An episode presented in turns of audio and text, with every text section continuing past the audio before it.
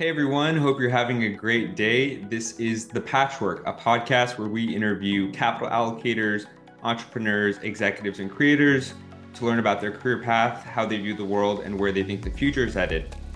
My name is Curran Aurora, and I am your host. Our guest today is Jonathan Stringfield. Jonathan is a research and marketing executive specializing in technology and gaming, having spent almost 20 years at companies such as Meta, Twitter, and Activision Blizzard where he's currently the VP of Global Business Research and Marketing. Jonathan holds a PhD in sociology. In addition, he's the author of Get in the Game How to Level Up Your Business with Gaming, Esports, and Emerging Technologies. Jonathan, welcome to the show. Thank you so much for having me. Really excited to be here. Great. So I, would love to just dive right in. Why do you think gaming is a rich media type for brands? And why do you think executives haven't capitalized on this medium as of yet? Yeah, I mean, you know, I think there's a number of different theses in terms of what's the actual disconnect between, you know, overall, say, mind share, time share of gaming these days relative to to marketer attention. But, you know, realistically, I think the one that seems most compelling to me is that on the one hand, opportunities for marketers in gaming have actually existed for a long time. However, the early days were always a little uneven, right? Like they had to be hard coded in, didn't really kind of fit with how folks like to buy media and so forth. So one of these issues where sure, I think there's an appreciation, there's an opportunity there, but like the audience felt niche and it was hard to do and therefore kind of fell out of favor for the most part. Now you fast forward to today and a lot has changed, right? So on the one hand, and you know, we could talk a lot about the proliferation of gaming and how the the overall tent of folks that enjoy games has really expanded due to changes in design and technology. But long and short, you have a very large, very compelling audience. And then also that so many of these games have, you know, internet connectivity and things like that it allows for marketing experiences that are a little bit more in line with what marketers kind of want and expect. So we're kind of at that point that you know you take all those factors, you take any kind of catalyst from say the COVID nineteen pandemic, which really kind of took gaming, which was already up and to the right, you know, in terms of trajectory, and really put it at the forefront of you know kind of like broader attention, media zeitgeist, whatever you want to call it, and you kind of reach that perfect storm. So we're now at a point where I think marketers understand there's an opportunity there. They can reach their consumer there. Um, there's a lot of them there, but the ways in which that you actually interact with the ecosystem, that part's still like not quite common knowledge. That again is why you know I wrote the book. That's a lot of what I do, but kind of professionally in terms of working with brands to kind of help them navigate this ecosystem and these opportunities. Do you think that the gaming media type is a little bit better than some other media types from an engagement standpoint? I mean, I couldn't be more biased when I say like my obvious example is yes, just from what I do for a living, but also the fact that I'm a pretty heavy game player myself. But you know, the, it, it's it's a different way of relating to media, right? That you know, again, in the same way that I'm a very heavy, you know, video game player, like I like everyone else watch a lot of shows on streaming and movies and whatnot, and I find these very engaging. But there is something to be said that the way in which I'm interacting with the game is very different because you are essentially taking up all of my attention, right? Like you can't second screen a game, right? Like right. has to be everything you're doing at a given moment. So almost by definition, it's that much more engaging because it demands it to do it well. In but again, like here too, I think there's there's varying levels, right? And I will say the one thing that gaming is getting very good at, and one of the big trends that I kind of point to in terms of being very meaningful for the future of gaming and how it's integrated in the media system or what have you, is that the experiences and the technology around it is getting pretty good about being woven into everyday life. And this is important because as we've looked at broader media trends, when you look at, in particular, younger cohorts, though, again, to be clear, people of all ages play games, but younger cohorts in particular, their media consumption habits aren't like, you know, the classic really nothing and then spiking at, you know, prime time and then kind of falling off. It's actually kind of all day, right? And this is like short form video and things like that, very mobile based and what have you. So on the one hand, mobile games play into that. Things like cloud technology certainly play into that. There's going to be an increasing groundswell of us being able to play any number of gameplay experiences on basically any device, which is another huge trend that's coming up. But then also that you can kind of dip in and out of gameplay experience at your leisure, right? So these are quick save technologies, even on things like Xboxes or PlayStations and what have you. And again, all of it's super meaningful that like, yes, I can sit down and have like that night where like I'm in and you know you're you're playing games and I still do those, right? Like that's like my activity for the evening and I'm locked in versus other times when you know I have work to do, I got chores or whatnot, and I can just kind of weave it into the day. But the net is that I'm just consuming that much more of the content as a result. So it's it's it's getting to the point where like yes, it's engaging, but also engaging on my terms, and that's super meaningful in terms of the overall trajectory for the industry. Can you just give us a, a lay of the land in terms of just major definitions that marketers need to be aware of in terms of you know gaming versus esports versus you know publishers? Just sort of the lay of the land just so that they're familiar with that. For sure. I mean at, at the at the highest level there's two divisions or there's a division i make right at the, at the get-go that is it's useful to think about games as a play experience versus a view experience so starting with the view experience this is things like esports this is streaming. And therein there's a lot of different opportunities that you know have been popularized by you know platforms like twitch but also i think a lot of opportunities that kind of speak to some of the ways in which marketers already work because again without getting into all the details a lot of the ways in which a brand can integrate with esports as a practical example are not entirely different than traditional sports sponsorships. And indeed many of the partnership teams at some of these esports organizations whether it's at a major game publisher or a tournament or what have you they tend to be a lot of folks that come from traditional quote unquote sports backgrounds so you know, if you have bought, as a practical example, like a sports sponsorship in the past, chances are you kind of have the know-how, the lingo, and the language to do that in esports. So there's almost a little bit of like a kind of an easy way to do it. And then on the play side, you know, there, there's a couple different things that I delineate across that. You know, you're largely looking at, you know, kind of from most turnkey to least turnkey, right? Things like, you know, advertising opportunities on the one hand, bunch of different definitions there, whether it's like in the game, like integrated within, whether it be like billboards in the games or what have you somewhat adjacent, something that may play, you know, occur somewhat like, you know, next to the play experience, or something that's kind of outside the play experience. And that's where you get into corporate alliances, sponsorships, broader IP things, the type of, you know, relationships that really kind of are not entirely dissimilar to other entertainment properties, like, you know, if you see, you know, movie launches and what have you on packs of consumer products and so on and so forth.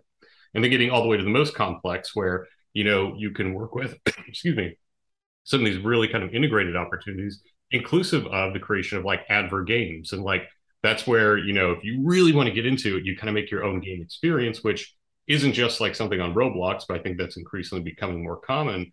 But even something that goes back to, you know, if you look at some of the, the first adver games like Tapper, which, you know, a lot of folks, if you're old enough, have maybe played, like that was an adver game for Budweiser back in the day, right? So the, long and short, it's what I tried to explain and lay out is that there's multiple different ways you can enter, right? It kind of depends on whether or not you're working directly with the publisher or an ad tech, you know, partner or what have you. And realistically, it kind of comes down to, you know, do you want something more turnkey that might be something that you can kind of dip your toes in, or do you really want to engage deeply? And just understanding there's going to be trade offs in terms of, you know, one, probably how well you need to be oriented in your knowledge of the gaming ecosystem, but then two, how much time is going to be required in coordinating with the publisher themselves because you know again the deeper the integration with the game the more that you need to work with the studio because obviously you want to make it a good experience and they need to make sure that it fits with their play environment do you think that any brand can just go into you know a publisher and say hey i want to put my brand into a game or do you think it has to be a little bit more deliberate and aligns with sort of the universe of the game that you're playing in i think it is definitely the case that a brand needs to come to, with some degree of intentionality. And I think understanding what they want to accomplish and the worlds in which that they want to integrate is going to be important. Because, you know, on the one hand, the easy answer is probably not every brand is going to be well integrated into every world, right? Like it just might not make sense. But that's just kind of like the flippant answer. There's maybe a world where between the immense creativity of the studio and the immense creativity of the marketer, there can be some common ground there. But I think the the important thing in either direction is again really kind of understanding the constraints on the studio side and their game environments and what they're trying to do there with your activation so that you're not just kind of blindly saying, "Hey, I just want to put, you know, my brand on the front of Call of Duty and call it a day." And that's probably not going to be received well because again, obviously that's not how these things go, right? So the the what I point out in the book is like a little knowledge goes a long way because ultimately at the end of the day this is going to be a partnership. So the more that you come forward with like an earnest partnership that's informed, the better.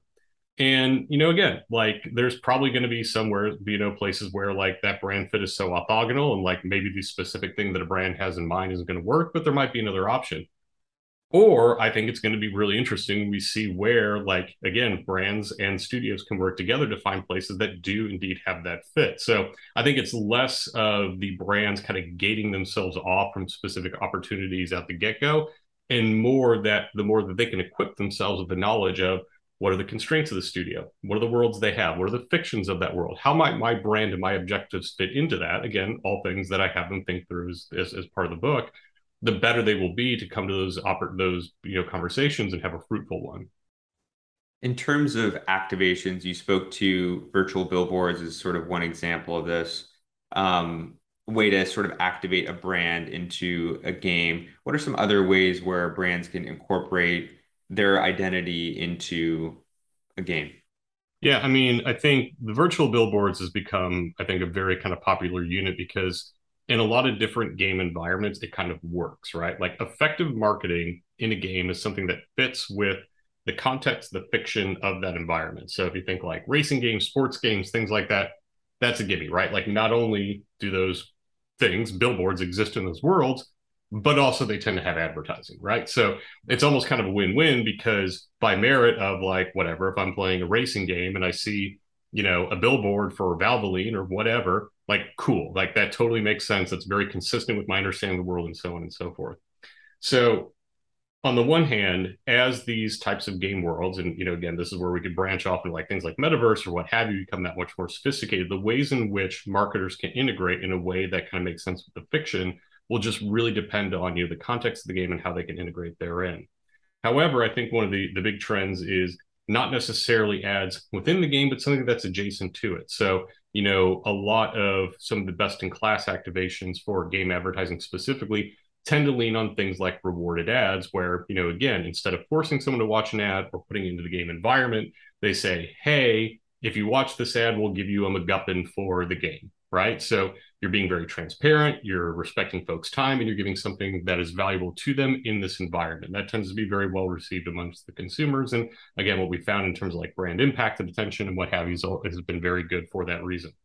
So the more that we understand that because we're looking at something that is intrinsically a very kind of locked in integrated experience, we need to be that much more careful about either seamlessly integrating the marketing into that experience or respecting and to a certain degree paying off the time that folks are diverting away from that experience in a way that then adds value back to it as best in class examples. And again, that then gets extrapolated out to again opportunities in co-marketing and you know under bottle cap code receptions and so on and so forth that the further away you get from the game environment probably the less careful you have to be about it but always returning back to that possibility of funneling value back into the game experience and respecting folks time around the game experience is what's going to win in the end.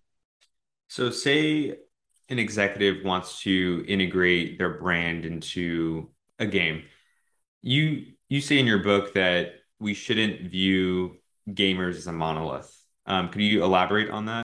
For sure. So I think at the at the at the most basic level, it's a push against that very common definition stereotype of a gamer, right? And in the book, I specifically call out that I don't use the term gamer much, except very deliberately. And the reason of that is that that gamer term is super, super loaded, right? And when we say gamer, if you go to like your average CMO or realistically just about anyone who isn't much of, you know, involved with that much of the, the game ecosystem, you say, hey, if I said gamer, what do you envision? What they probably envision is a young dude in the basement playing game, right? Like this has become such a trope that you know we actually joke about how often this gets quoted that that's not what gamer you know, gamers are anymore. But there's also some truth to it, right? Like as we've done research in the past, we found that like yes, there is a population of folks that identify as a gamer. This is an important part of their identity, right? Like if they say like what you're into, for example, if you were like super into movies and like, oh, I'm a bit of a cinephile, like these are folks kind of the same stripe. And indeed, they do tend to be young men. However, that is like a small percentage of the population of gaming fans. From there, you have people of every age group that interact in different ways on their terms. And some of them, in fact, the majority of them, don't really identify as gamers, right? Like it's something they do, but it's not central to their identity. So I bring all that up because you know, realistically, what you're finding is that even, you know, for the younger folks, it's something like 90% of them play a game of some sort on a weekly basis, or actually in, in excess of 90%, which is kind of what you expect. It's like near ubiquity. But even older generations, it's still 60 or 70%. It's a lot of people. So I think if we if we use that term gamer, and if we think about gamers as that just kind of young boys in the basement, not only is it untrue, it's incredibly limiting in terms of when we're thinking about the broader opportunity out there. So I really hit hard that like I think the marketplace is getting better about it, but we kind of need to you know remind ourselves that the folks that you know are were you know playing Super Mario Brothers and Legend of Zelda yesterday are like 40 now, right? And they have mortgages and they're professionals and they're me right now, right? Like they have grown up and many of them still are playing games and it's an important part of their lives. Do you think that SMBs could participate in this space of being able to advertise in gaming? Or do you think it's more sort of for blue chip companies that have the capital to invest in something emerging like this? I mean, I think you're the, the landscape as it, as it exists now is probably closer to the blue chip side than the long tail, but I don't think it's an absolute, right?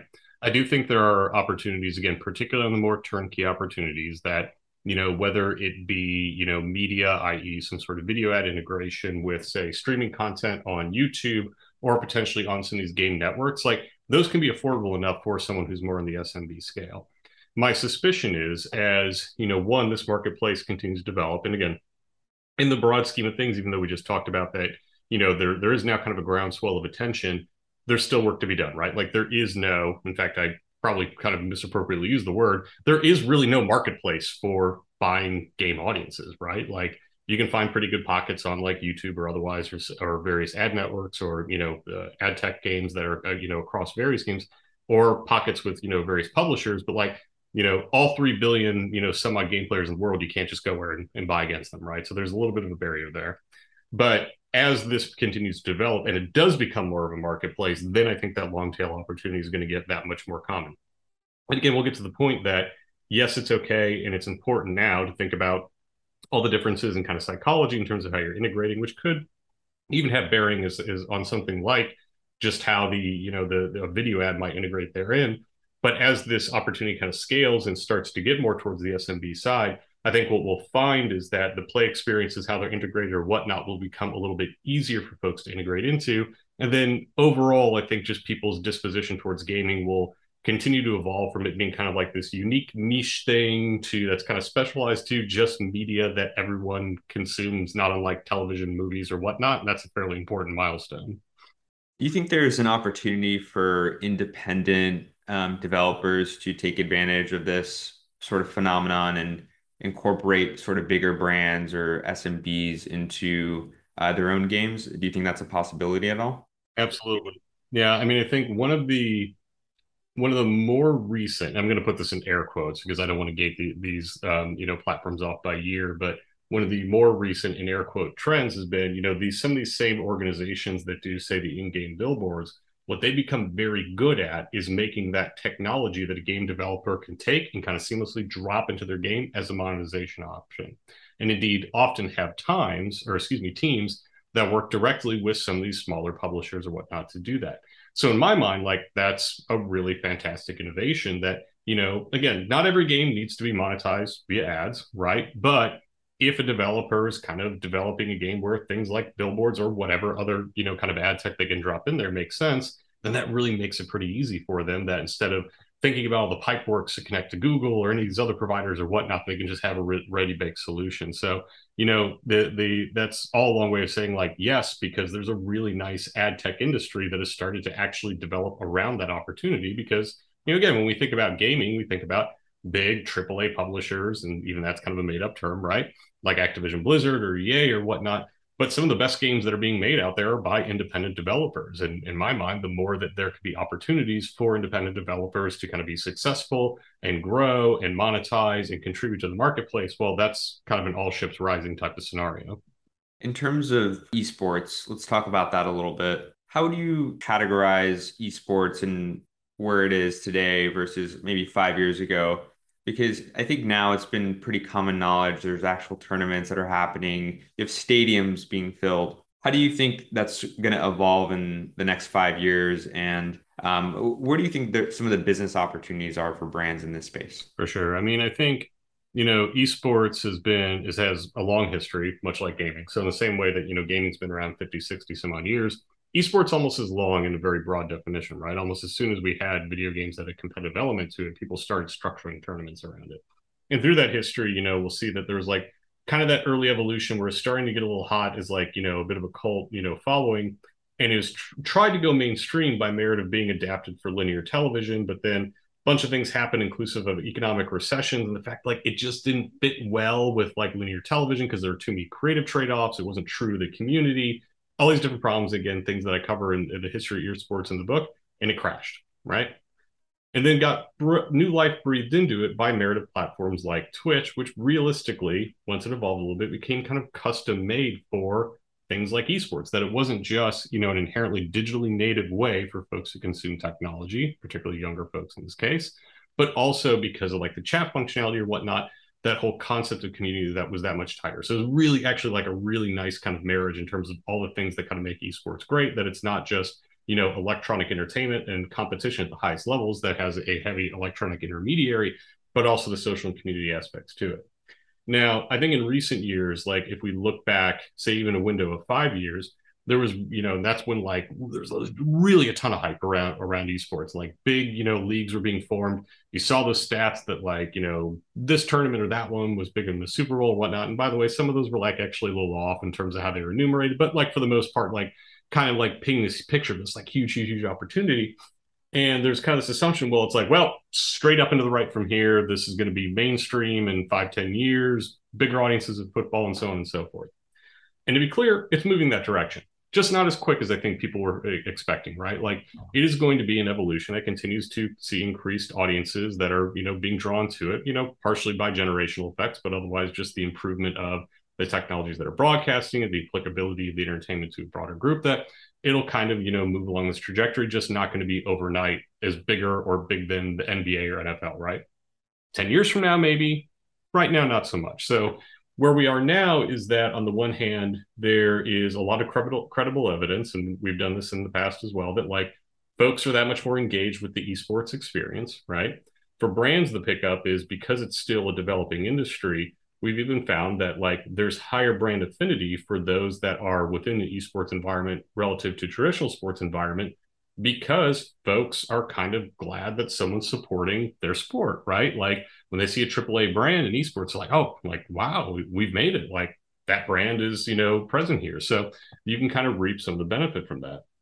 But then I think for the broader industry, the big trend you're seeing now is that these gaming teams or organizations or even individual streamers whereas you know again if we look back 15 20 years they were entirely reliant or at least mostly reliant on like prize purses for you know kind of funding their operations now they're finding that them as lifestyle influencers as content marketers or what have you they're making a ton of money that way so if you look at FaZe Clan or 100 Thieves or what have you they have all become content creation machines based around this larger ethos of kind of encapsulating this like kind of street gaming culture with obviously gaming being the centerpiece in terms of where these interactions happen. So long and short, I think where esports is innovating is one on how the audience relates to the entertainment, both by merit of the technological platforms, largely via streaming, but then also the access and ways in which the athletes themselves interact with the audience by merit of this kind of like content marketing model that you even mm-hmm. see like some of the quote unquote traditional sports leagues starting to follow a little bit as pioneered by these brands. And the result is that either which way you're kind of looking at them, i.e., these gaming teams, these esports pros, as being a bit of an ambassador or you know a Sherpa of sorts for brands into this kind of like subculture of competitive esports where people are paying a lot of attention, are really engaged, and there's a lot to be gained because of how passionate they are about their sport, their tournaments. Great. Well, Jonathan, it's been great to have you on the show. Thank you for participating. And where can we find you to learn more about your writing and your book? For sure. Yeah. So you can find me at jonathanstringfield.com. I also have a Substack, which is stringfield.substack.com, or you can find my book, Get in the Game, wherever books are sold.